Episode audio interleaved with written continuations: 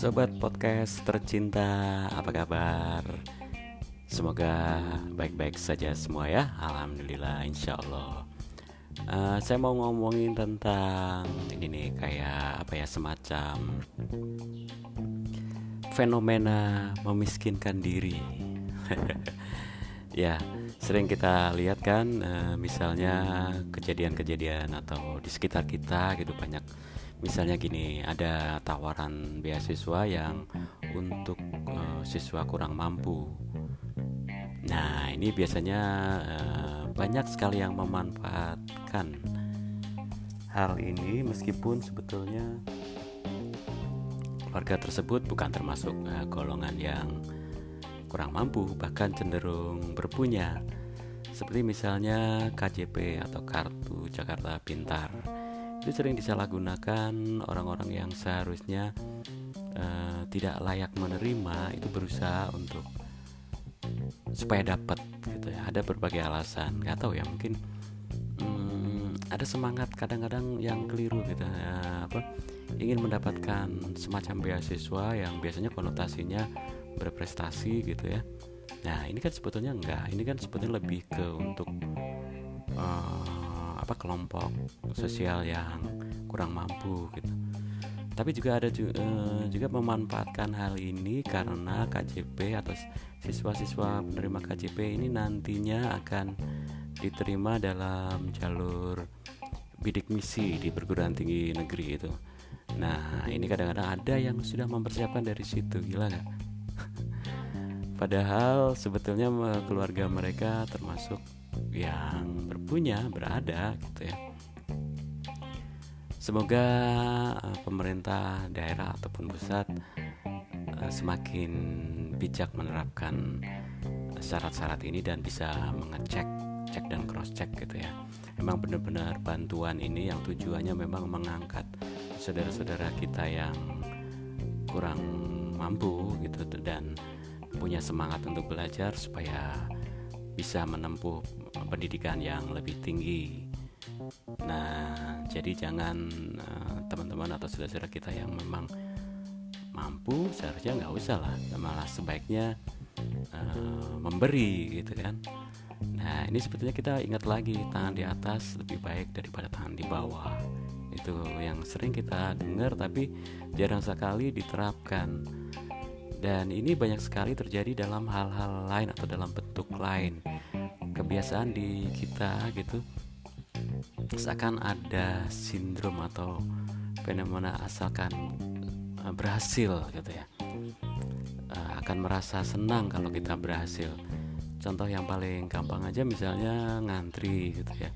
Sebetulnya ngantri itu kan uh, harusnya memang yang datang belakangan di belakang gitu ya sesuai urutan. Tapi kadang-kadang ada salah kita gitu, ada orang beberapa sebagian orang yang merasa berhasil kalau berhasil uh, menembus menembus uh, antrian gitu ya.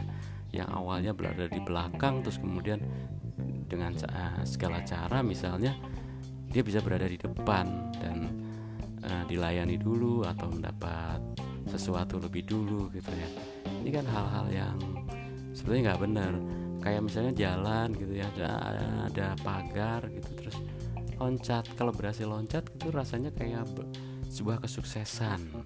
Ini sebuah kesuksesan semu yang tidak baik. Dan ini uh, senada dengan hal yang tadi sepertinya ya. Mungkin secara psikologi dapat digambarkan atau apa namanya gitu ya. Dan ini secara awam pun kita nggak bisa menerima hal ini sebetulnya. Tapi ya itulah seperti tunjangan-tunjangan itu kalau saya lihat di beberapa negara maju eh, orang-orang yang mendapat tunjangan dari pemerintah itu kadang-kadang merasa malah tidak ingin gitu ada ada sedikit gengsi dan ini gengsi yang benar gitu bukan gengsi yang gengsi gengsian uh, jadi uh, kalau toh sampai disupport sama pemerintah itu ada suatu uh, dalam tanda kutip kekurang berhasilan dan mereka akan berusaha untuk supaya tidak dapat gitu supaya tidak berada dalam kelompok tersebut dengan cara bekerja atau mencari pekerjaan yang lebih uh, standarnya lebih tinggi gitu ya.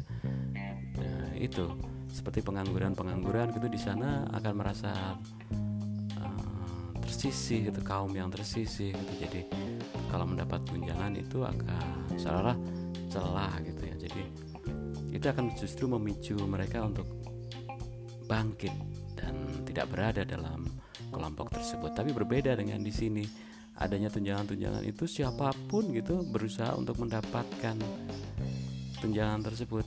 Meskipun syaratnya sebetulnya ini harusnya untuk uh, kelompok dengan penghasilan di bawah sekian gitu ya.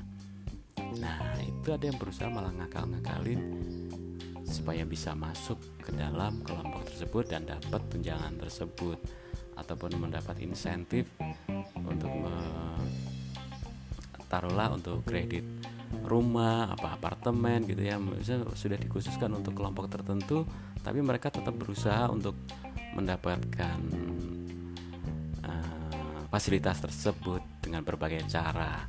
Dan ini tentu saja tidak benar kan semoga kita semua bisa disadarkan dari kondisi ini dan